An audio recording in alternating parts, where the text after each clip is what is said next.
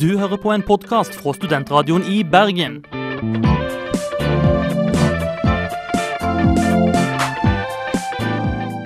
Denne og mange andre flotte podkaster finner du på podkast.srib.no.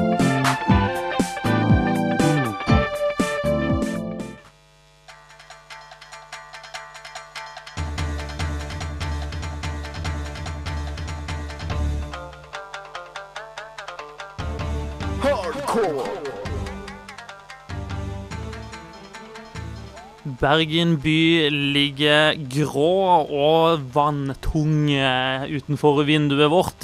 Du hører på Hardcore, spillmagasinet på Studentradioen i Bergen. Og i dag skal vi lede deg igjennom en eh, nydelig time med masse god musikk, og selvfølgelig masse spillstoff. Det stemmer. Vi skal òg se på Selda sitt 25-årsjubileum. Vi skal òg uh, høre hvordan det ligger an med Saints Row 3. Og selvfølgelig skal vi òg snakke om den nye Dreamcast Collection som kommer til PlayStation 3, 360 og PC. Så det er bare å glede seg. Vi som leder deg gjennom denne timen, det er meg sjøl, Marit Hjørmo. Og det er meg, Tormod Husebø. Uh, this is Brian Ashcraft, uh, senior contributing editor at Kotaku.com, and you are listening to Hardcore. Det stemmer, du hører på Hardcore, og vi skal vende vårt blikk mot eh, spillnyhetene. og eh, Det er jo ikke til å skjule at eh, begynnelsen av året i år så er det ikke så mange storspill som kommer ut, men det er nå litt å hente på nyhetsfronten i hvert fall. og Vi skal til utvikleren Fat Shark, kanskje ikke kjent for så altfor mange? Det stemmer. Eh, de har jo utvikla et downloadable spill som heter Lead and Gold, som var tilgjengelig på PS3 sin eh, network service, og skal nå komme med en ny nedblastbar tittel som kanskje er litt bedre egnet for en eh, mindre utvikler. Eh, spillet heter Hamilton's Great Adventure og er, ut fra det jeg forstår, en slags blanding mellom Little Big Planet, Indiana Jones og ikke minst Magin and the Forsaken Kingdom. Så det blir litt sånn old school puzzle-løsing, og med litt uh, schwungen til Indiana Jones, rett og slett? Ja, det stemmer. Fordi at um, det som er uh, spillets uh, gimmick, da, det er at en kan spille co-op. Disse puzzlene er som uh, i det siste um, Lara Croft-spillet som kom ut, så kan en altså spille co-op for å løse disse puslespillene, eller gåtene, som skal være variert. Både action og presisjon skal være avgjørende for å komme gjennom dette spillet. Ja, jeg syns det, det, er hyggelig å høre at flere og flere satser på coop i spill. Det er noe som vi setter veldig pris på. Uh, men vi skal over til et annet spill uh, der det også handler om samhold og samarbeid, eller kanskje også fravær av samarbeid mellom spillere. Um, det som er, det er at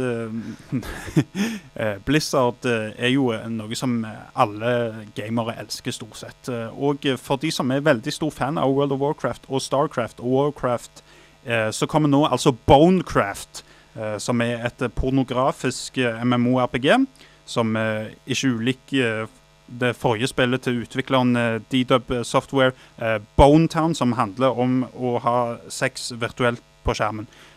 Plott ja, for Bonecraft eh, skal da handle Det er da satt til en World of Warcraft-aktig verden. En verden befolka av eh, alver og orker. Eh, og så kommer det da plutselig en eh, Starcraft-aktig rase, Space Marines.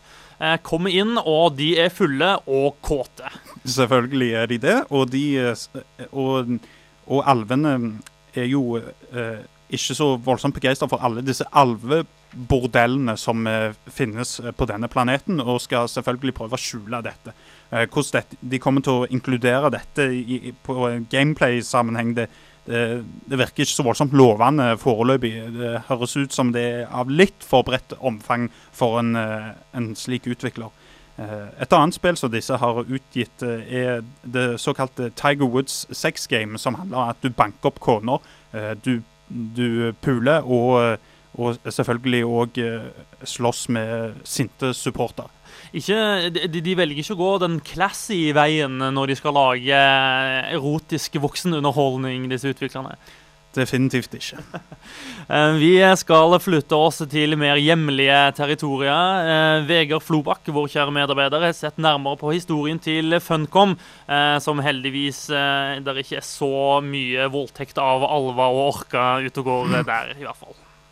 This story, like all good stories, begins where it ends in a tower, in a realm that is no more. Eller kanskje ikke akkurat sånn.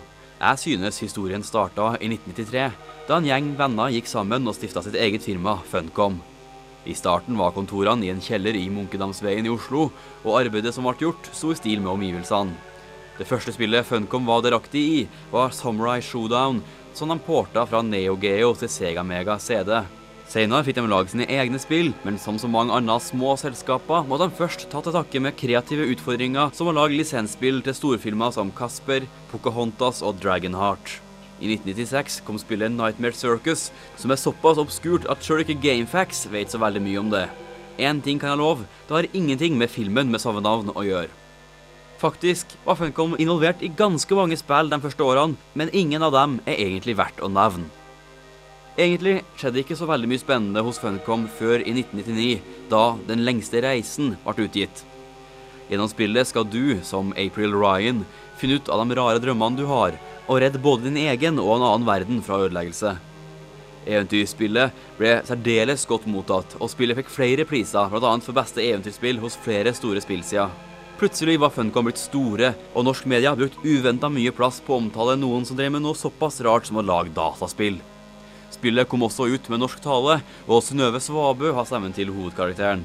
Jeg syns jo det er veldig flott å få lov å være 18 år i 2020. Og April har jo lengre ben enn meg og større byste. Det kan ikke bli bedre. Jeg vil kanskje anbefale den engelske versjonen. Deretter, i 2001, kom Funcoms kanskje største suksess, Anarchy Online. Riktignok hadde spillet en katastrofal lansering med masse tekniske problemer, men spillet er fremdeles tilgjengelig, og Funcom tjener fremdeles penger på det, ti år etter utgivelsen. Anarchy Online er også spesielt fordi det var det første rene internettspillet Funcom laga, og det var et tidlig MMORPG med likhetstrekk med dagens store spill som World of Warcraft. I spillet kjemper tre ulike parter om kontrollen over planeten Ruby Ka, og etter hvert kommer også romvesener for å erobre planeten. De neste årene ga Funcom ut flere utvidelsespakker til Anarchy Online, og i løpet av fire år gikk spillet gjennom den historien som Funcom hadde planlagt. Hvordan historien utvikla seg, ble påvirka av hva spillerne gjorde, og Funcom forsøkte å lykkes sånn i å lage en form for interaktiv historie. Etter at den planlagte historien ble ferdig, ble det gitt ut to nye utvidelsespakker, og spillet har fremdeles mange fans. Så, i 2006 kom Drømmefall, den lengste reisen ut. Spillet ble ikke like populært som forgjengeren, men ble likevel godt mottatt av pressen. Det går også rykter om en fortsettelse, men hvorvidt det her faktisk kommer, og når, er helt i det blå. I 2008 kom Funcoms foreløpig siste spill ut, Age of Conan, Hyborian Adventures. Det kan nesten se ut som om historien til Anarchy Online har gjentatt seg. Lanseringen ble prega av teknisk krøll, og mye av presseomtalen reflekterte det her. Trass det fikk spillet generelt god mottakelse av anmeldere, og i 2010 kom utvidelsespakken Rise of the Godslayer. I spillet er du en eventyrer i Hyperborea, og som Konan kan du, sammen med andre, utforske omverdenen, bygge byer, drepe monstre og alt det andre en gjør som lettkledd helt. We shall call upon every strong arm and sharp sword to fight. We will bring them to their knees and see them crushed by the fury of our kingdom. Det ser også ut som om Funcom har funnet sin nisje med MMO-spill, og for øyeblikket jobber Funcom hektisk med å fullføre The Secret World, som tar utgangspunkt i vår verden, men med fokus på hemmelige ordener, nemlig tempelridderne, Illuminati og Drageordenen, som kjemper om kontrollen over menneskeheten og kloden. Når kommer spillet? Visstnok innen to år, og så får vi håpe spillet lanseres med brask, bram og få tekniske problemer. A new role playing video game that is leaving nothing to the imagination. Mass Effect is what it's called. Full uh, digital nudity. and the ability for the players to engage in graphic sex, and the, the person who's playing the game gets to decide exactly what's going to happen between the two people, if you know what I mean. Now, Who's playing video games but adolescent males, not their dads? And here's how they're seeing women. They're seeing them as these as these objects of desire, as these, you know, hot bodies. I mean, they don't they don't show women as being valued as, for anything other than their sexuality. And it's a man in this game deciding how many women he wants to be with. Cooper, have you ever played Mass Effect? no. Når det handler om spill, velg hardcore. Vi nevnte innledningsvis at eh, vi må vente en stund før vi får eh, et skred av storspill eh, i 2011, men vi kan se litt fram på noen av de som kommer. og Når, når en sier Når en name-dropper tittelen Saints Row, da er det mange som tenker ja, det er det spillet som minner litt om GTA. Definitivt. Og Saints Row har jo um, prøvd å distansere seg med, fra GTA uh, fra begynnelsen av med å være mye mer absurd og over the top. Og nå uh, kommer en av Saints Row-utviklerne ut, uh, nemlig eh, Danny Bilson, og sier at eh, i fremtida, spesielt Saints Row 3, vil eh, eh, det være ugjenkjennbart fra, um, fra Grand Theft eh, Auto. Ja, Hva er det som skal, eh, skal gjøre de så, så annerledes, da? Saints Row har jo eh, siden toen iallfall hatt alt eh, skrudd på 11. Alt er jo eh, Alt er jo absurd. Jeg husker jo at du kunne spille mm, spesielt en, eh, et mini-mission der du spilte som Cops. At uh, du var, det var akkurat som i TV-showet Cops, bare at eh, du bankte opp uh, folk istedenfor å være en lovlydig og veldig høflig politioffiser. Eh, og mm, du kunne jo òg spille som brannmann, bare at eh, brannbilen din skjøt bæsj istedenfor vann. Eh, så det er, jo, eh, det er jo klart at det er et helt annerledes spill enn Grand Theft Auto. Og jeg syns egentlig Grand Theft Auto kan lære litt fra Saints Row, fordi at Saints Row er vesentlig kjekkere enn Grand Theft Auto 4, syns iallfall jeg. Ja, så du mener vi kan ende opp med en situasjon der eh, det går motsatt vei? Der Grand Theft Auto vil forsøke å kopiere det Saints Row gjør?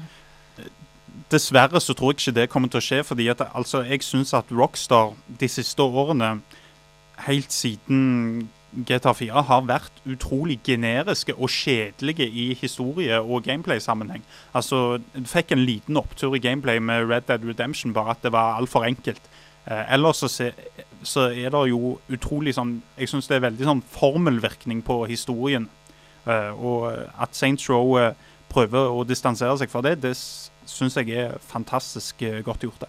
Ja, En kan kanskje si at Rockstar har blitt litt, nesten litt feige. altså At de har funnet en formel som fungerer, og den holder de seg til, for den selger som eh, hakka møkk. Eh, vet vi noe om når vi kan få prøve nye Saints Row ute i butikkene og ute i det, det fagre landet vårt? Jeg regner med at THQ og Volition kommer til å vise det på mm, E3 2011. eh, Og det kommer da på høsten, har, har noen eh, lovt på THQ. Det høres eh, bra ut. Et annet spill som eh, er, kommer mye, mye tidligere enn det, nemlig litt senere denne måneden, er Dead Space 2. Og for det spillet så har de fyrt i gang en, en ja, litt pussig reklamekampanje.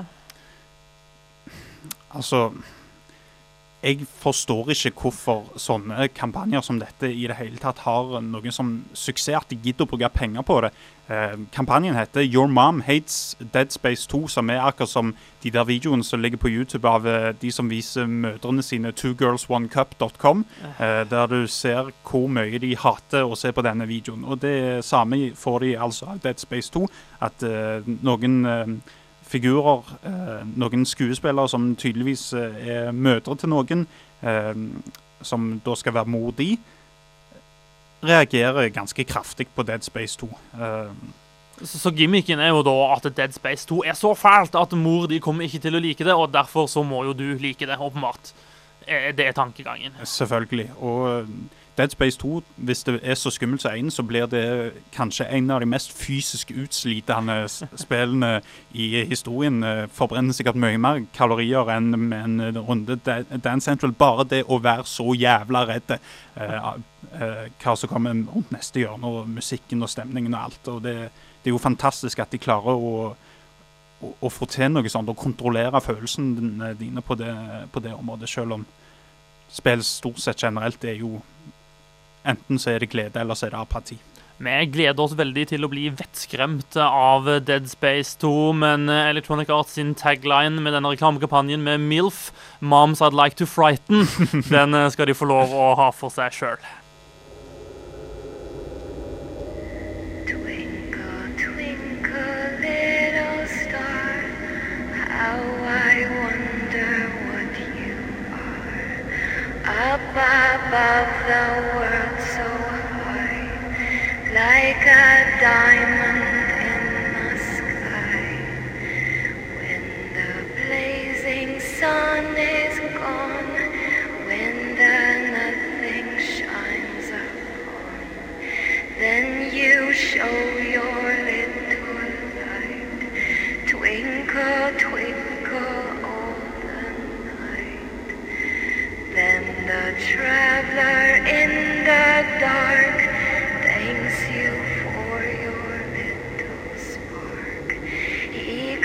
not see which way to go.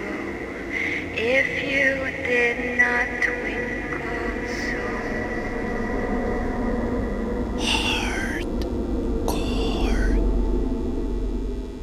Deilig, creepy stemning fra Dead Space eh, der. Nå skal vi over til noe som ikke er fullt så skummelt. Eh, Vi skal til en eh, ny tittel til Nintendo Wii, nemlig Super Mario All-Stars. Og når jeg sier ny, så er vel ikke det helt korrekt, Ormond? Eh, Det er en kjempeløgn, fordi at dette er spillet du husker på Super Nintendo. Altså du har Super Mario Bros. 1, 2 og 3.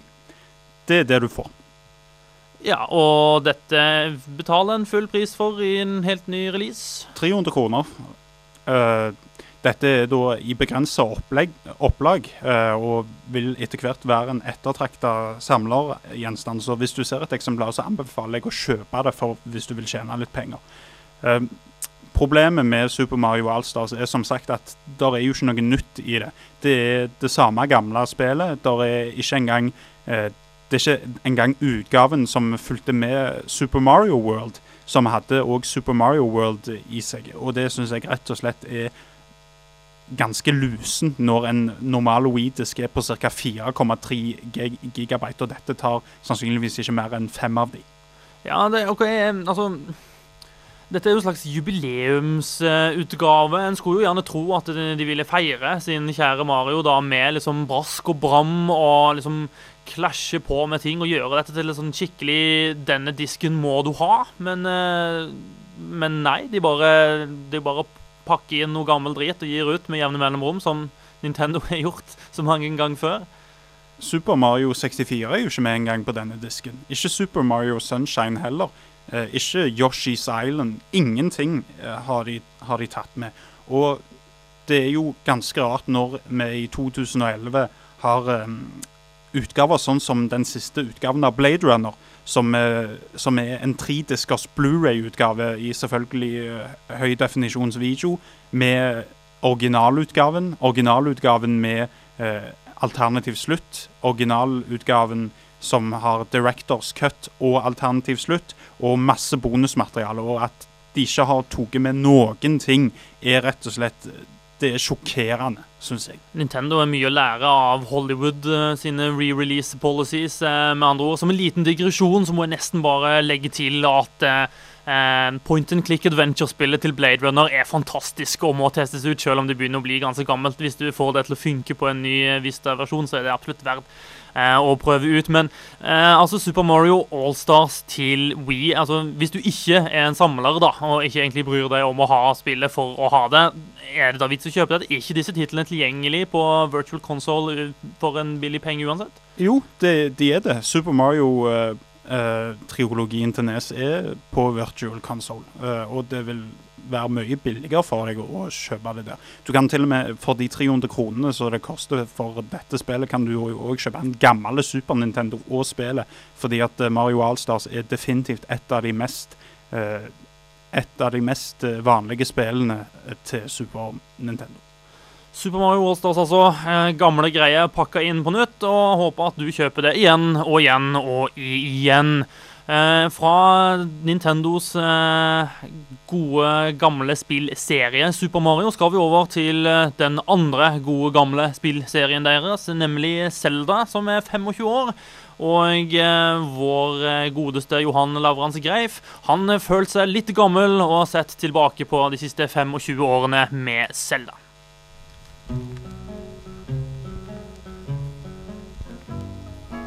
Tegn på at man holder på å bli gammel, er at man innbiller seg at alt var bedre før. I så fall er jeg i en alder av 28 år offisielt gammel. I år fyller Nintendos Zelda-serie 25 år. Det første Zelda-spillet kom ut i Japan i 1986 og var inspirert av spillskaperens opplevelse av å utforske naturen i oppveksten. Verdens raskest snakkende spillanmelder Zero Punctuation har beskrevet Zelda-spillene som den samme fyren som redder den samme jenta med den samme jævla bumerangen. Med unntak av et par Zelda-spill er det her riktig. Fyren heter Link, jenta heter Zelda, og bumerangen er en bumerang. Zelda-serien er med andre ord et godt, gammeldags eventyr, der man aldri er i tvil om hvordan det skal gå, men som så ofte er det veien og ikke målet som er det vesentlige. Zelda-serien er en suksess hovedsakelig grunnet spilldesignet. Hvert brett er en intellektuell prøvelse på helt riktig hylle. Det er ikke så vanskelig at man blir frustrert, men ikke så lett at løsninga er åpenbar. Som så ofte i Nintendos titler er det denne perfekte balansen som hever Zelda-spillene et ekstra hakk.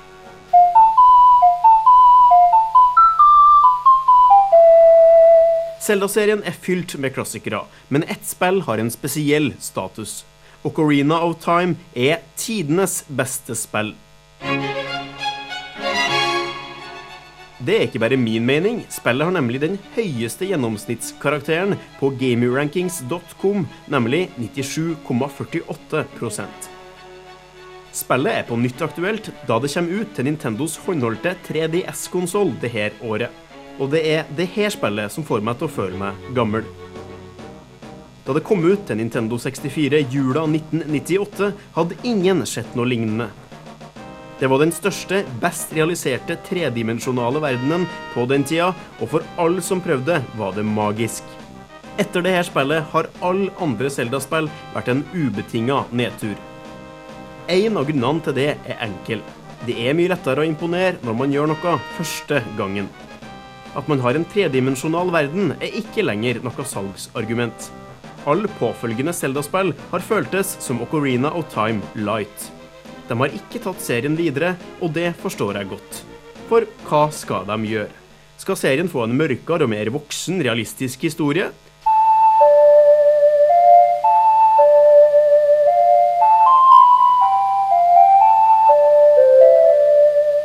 Eh, nei Skal Nintendo gi Link og de andre innbyggerne i kongedømmet Hyrule stemmer?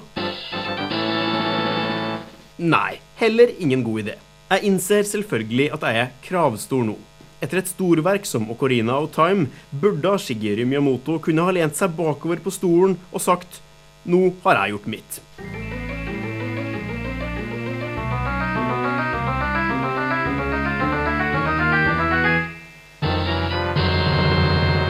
Men speilbransjen er beinhard, så det går ikke. Nintendo har jobba en god stund med det neste spillet i serien, Zelda Skyward Sword. Sverd og skjold skal styres med V-moten, og grafikkstilen er inspirert av impresjonistiske malere som Paul Cézanne. Zelda Skyward Sword kommer i løpet av året, og hvis vi er riktig heldige, er spillet såpass bra at jeg kan slutte å rope 'ikke tråkk på plenen' til ungdommer. Men det ville jeg ikke ha satt penger på. Er det noen som har noen kampedubs? Link, here come to town. Come to save the Princess Zelda. It taken away. Now the children don't play, but they will when Link saves the day. Hallelujah! Når begynner det kapum? Now Link, fill up your hearts Hvor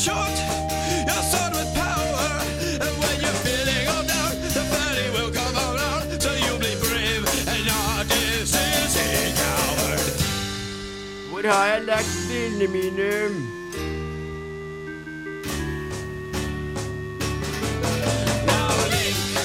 I say the day, but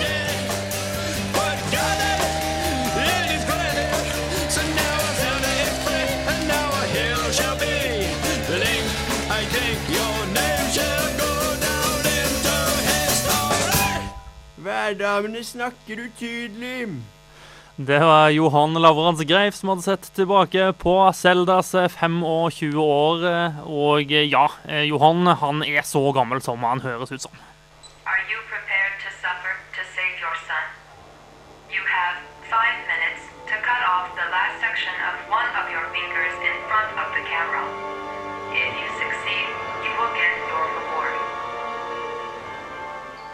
Nei, ikke gjør det. Hør heller på hardcore.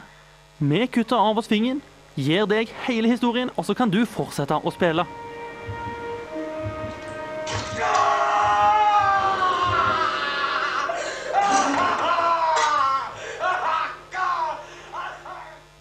Skremselshistorie fra Heavy Rain, eh, som var eksklusivt til Sonys PlayStation 3 der, altså. Eh, Og Sony, de er De spiller et litt sånn morsomt spill om dagen, fordi eh, de er ute og skryter veldig av en maskin som de ikke sier noe om. Det stemmer. Det er jo utrolig eh, typisk Sony. De, de, de fornekter først ting, og så viser det jo seg at det er sant. Uh, og PSP2 eh, har vi jo uh, hørt ganske mye om, og det skal være siste, Den siste nyheten er nemlig at PSP2 er like kraftig som PlayStation 3, sett ut ifra eh, skjermstørrelsen på PlayStation 3. Nei, PlayStation, eh, PSP2, mener jeg. Men er det noen som tror på det? Altså, det som er for meg det største spørsmålstegnet, er hvorfor de skal da lansere PlayStation Phone og PSP2 samtidig. De kommer jo til å drepe utviklerne eh, lagde disse plattformene. Dette er en utrolig dum idé, og PSP1 holder garantert i tre-fire år til, fordi at Sony tjener først og fremst penger på at folkene i Japan kjøper PSP og spiller Monster Hunter på det hele tiden. Men eh, for oss her i Vesten, da, som ikke er like Monster Hunter-frelste så altså, For min egen del så kan jeg jo si det at eh, min PSP den står i hylla og samler støv. altså. Den blir ikke brukt til mye fornuftig. Men hadde vi fått en eh, håndholdt PlayStation-konsoll som er så kraftig som eh, det Sony nå skrøyter på seg at den er, så kan det jo begynne å bli interessant eh, med tanke på at den kan få litt mer spenstige spill, tenker jeg da. Ja, hvis en tenker da på at hvis Sony hadde vært litt smarte, så hadde de integrert PSP2 sammen med TV-er så godt som mulig. fordi at da kunne du både hatt den med deg og koble den til TV-en. Det var altså mulig på PSP1, men det tok aldri helt av. Fordi at det var akkurat de æraen folk begynte å få HD-TV-er, og det er utrolig grumset grafikk på det. Så dette er nok en gang utrolig lite smart av Sony. Men tror du de kommer til å koble denne her PSP2-en så tett opp mot PS3 at eh, en vil kunne få over, en vil kunne spille Har du et spill på PS3, så vil du kunne spille det på PSP2-en. Altså vil Vil disse apparatene prate så godt sammen at for de som allerede har en PS3, så er det eh, både fornuftig og fristende å kjøpe en PSP2. Valve hadde garantert gitt deg det, men eh, Sony er jo notorisk gjerrige. eh, fordi at de har tapt så mye penger på PS3 at eh, de kan ikke gi masse free shit til folk. Eh, og det er jo synd, for det er jo vi som virkelig taper på det når vi for eh, noen år siden brukte 6000 på en PS3, ikke sant? Vi får eh, vente spent og se, men uh, forholder oss vel eh, sunn skepsis eh, foreløpig. Eh, fra en eh, ikke ennå kommet ut konsoll til en eh, for lengst lagt opp på loftet konsoll. Dreamcast eh, gjør et eh, ja, skal vi kalle det et mini-comeback. Sega har jo den De er jo notorisk for å ha den verste markedsføringen i hele verden. De eier jo ikke innsikt i eh, hvordan de skal nå ut til forbrukerne sine. Og um, Dreamcast skal altså uh, Dreamcast-spill skal altså komme til um, PC, Xbox 360 og PS3 i løpet av februar. Uh, gjennom en utvidelse uh, Eller uh, en, en samling av Sega sine storhetstitler fra Dreamcast-tida, bl.a. Sega Bass Fishing, eh, hvem husker ikke det? Crazy Taxi, det var jo ganske bra. Space Channel eh, 5 Part 2 er et av de beste spillene som noen gang er lagd. Og Sonic Adventure har jo allerede kommet ut til Xbox 360 og PS3 i eh, såkalt HD-grafikk. Eh, det er verdt å nevne at alle de andre spillene er òg i en slags HD-grafikk, men det blir sånn som med Perfect Dark eh, HD til Xbox 360. Det ser rett og slett ikke bra ut lenger. Men likevel, selv om det ikke ser bra ut eh, i nytt i HD, så mener du at dette spillene er såpass bra at det er verdt å investere i likevel, for folk som gjerne ikke er så kjent med de gamle Dreamcast-spillene? Du må jo tolerere råden grafikk, men jeg syns iallfall at gameplay, spesielt eh, Crazy Taxi og Space eh, Channel 5 Part 2, er såpass bra at eh, det bør være i enhver samling, selv om disse spillene, spesielt eh, Space Channel 5 Part 2, er notorisk vanskelig å få tak i eh, i sin originale utgave. Så dersom du, dersom du har noen som helst fascinasjon for Dreamcast, så bør du jo du bør utvilsomt sjekke ut denne her samlingen. Fra gamle spill skal vi over til nok en eh, gammel spillserie. Harvest Moon er en serie som alltid bare er der, eh, uten at folk eh, prater om den. Men nå skal du få høre vår egen Tormod Husebø nettopp gjøre det, prate om den. I skyggen av Fifa, Call of Duty og Halo er det serier som nesten årlig får nye utgivelser. Jeg tenker umiddelbart på Sonic the Hedgehog, Tomb Raider og Nintendos Castlevania Kirby. At det i slutten av 2000-tallet i det hele tatt var marked for den slags, er nok for mange ganske rart, når en ser salgstallene til Black Ops og Reach. Uten å ha noe aggressiv markedsføringskampanje og god mottakelse, nekter disse spillseriene simpelthen å dø. Harvest Moon er en av disse. En serie langt utfor allfarvei. En slags fredfull oase, totalt uvitende om andre spills eksplosjoner, lemlesting og nakenhet. Helt siden Super Nintendo har den serien invitert spillere hele 18 ganger til å være en virtuell bonde. Med det menes å så, høste, mate dyr og oppgradere gården din. Harvest Moon Animal Parade, eller direkte oversatt fra japansk Farm Story Exciting Animal March, ble for kort tid siden utgitt her i Europa, på Nintendo Wii. Karakteren din heter Casey. Du arver en gård, og samtidig som du driver den, så skal du òg gjøre en quest for å bringe harmoni tilbake til byen din. Denne questen er koselig og utfordrende nok, og lærer deg samtidig mye av spillets elementer og teknikker. Spillet er som The Sims delt opp i dager og timer. Du våkner, steller med åkeren din, steller med dyra dine, kanskje handler litt, og så i seng. Frøene du sår, vokser seg til ferdige produkter i løpet av fem til ti dager. Dette er måten du tjener penger på, og gir raskt resultater. I begynnelsen vil det være utrolig kjedelig å vanne av frøene du sår, men etter å ha passert sommer og høst vil arbeidet ha lønt seg. Det som suger, er verktøyene dine. For å oppgradere verktøyene dine må du være masse nede i byens gruver. Dette er kanskje den delen av spillet som er mest tidkrevende og kjedelig. Det er masse arbeid som ligger bak å oppgradere spesielt vannkanna di. Det hindrer spillbarheten og gir meg nesten assosiasjoner til starterquesten i World of Warcraft. Til tross for dette er gårdslivet en annerledes og givende opplevelse. At du skaper framfor å destruere, og at du vandrer rundt i en fin og ganske uskyldig verden, føles på en måte rensende. Det ga meg et flashback til hvor mye mer variert og risikotakende spill var for 10-15 år siden. En tid der spill ikke nødvendigvis trengte å selge så sykt godt for å fortsette sin eksistens. Dersom du er lei av marinesoldater i spacesuits og tørster etter å føle deg som et utforskende barn igjen, anbefales Harvest Moon Animal Parade veldig. Vær likevel obs på at dette er et hardcore casual-spill, og er mye mer tidkrevende enn f.eks. Farmway, men jeg syns det er verdt hvert eneste minutt. Hei, dere to som står bortpå der. Kan dere hjelpe meg med noe? Jeg lurer på, hvordan var dere med krigen?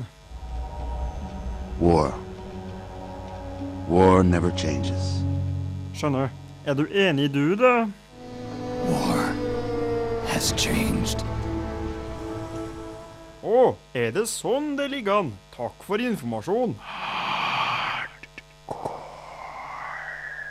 Et par eh, siste saker før vi eh, henger kroken på hardcore-døra for eh, denne uka. En gladmelding til eh, alle gamle fans av Cannon Fodder-serien. Etter ja, det må jo være 15-17-18 år siden forrige utgave, men nå skal det altså komme et eh, nytt eh, Cannon Fodder-spill. Ja, eh, de som eh, husker dette spillet, kan vel eh, tenke på at det er en slags blanding av en slags tidlig utgave av Commandos, eh, som vi elsker dypt og lenge. Og spillet går altså i originalens fotspor, selv om handlingen fra fugleperspektiv er, er ikke, ikke lenger. De, det er altså i 3D, og det loves masse spesialeffekter. Ja, Det var gamle britiske Sensible Software som lagde de originale spillene, men nå er det altså et russisk eh, firma ved navn Game Factory Interactive eh, som skal utvikle dette. Eh, litt usikker på hvilke konsoller og slikt det kommer ut til foreløpig, men det kan jo lukte at det blir eh, PC og Xbox Live Arcade, vil jeg tippe. Um, over til eh, en mer kjent og mer nylig tittel, Portal. Eh, Nærmere bestemt den kommende Portal 2. Uh, For de som husker tilbake til E3, så var jo utviklerne i Valve ute og sa at uh, PlayStation 3-utgaven av Portal 2 vil bli den beste utgaven. Eh, Og nå ser det ut som de skal eh, klare å i hvert fall komme med noen finurligheter som gjør at PS3-utgaven blir verdt å investere i.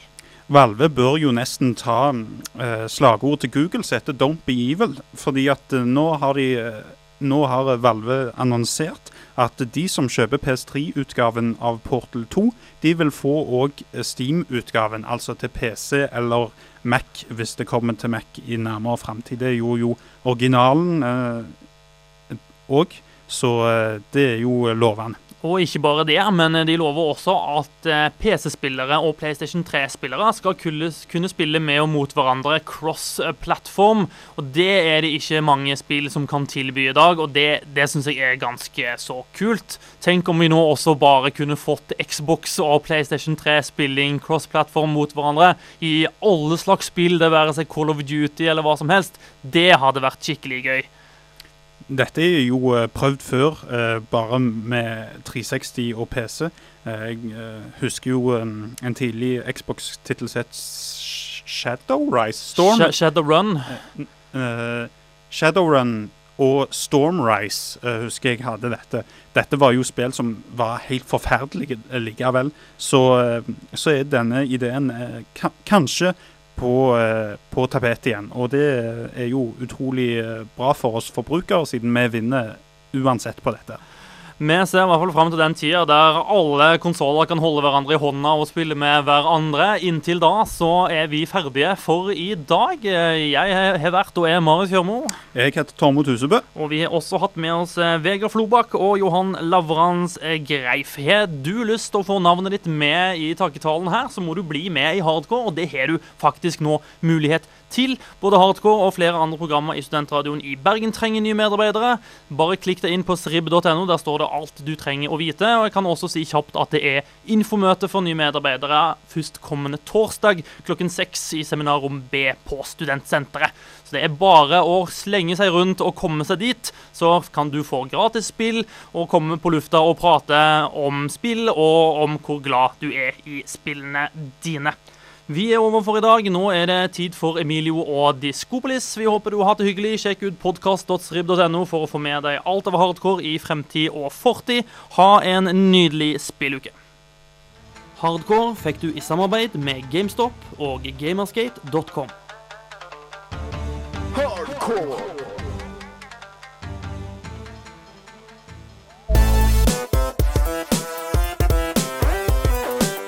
Du hører på en podkast fra Studentradioen i Bergen.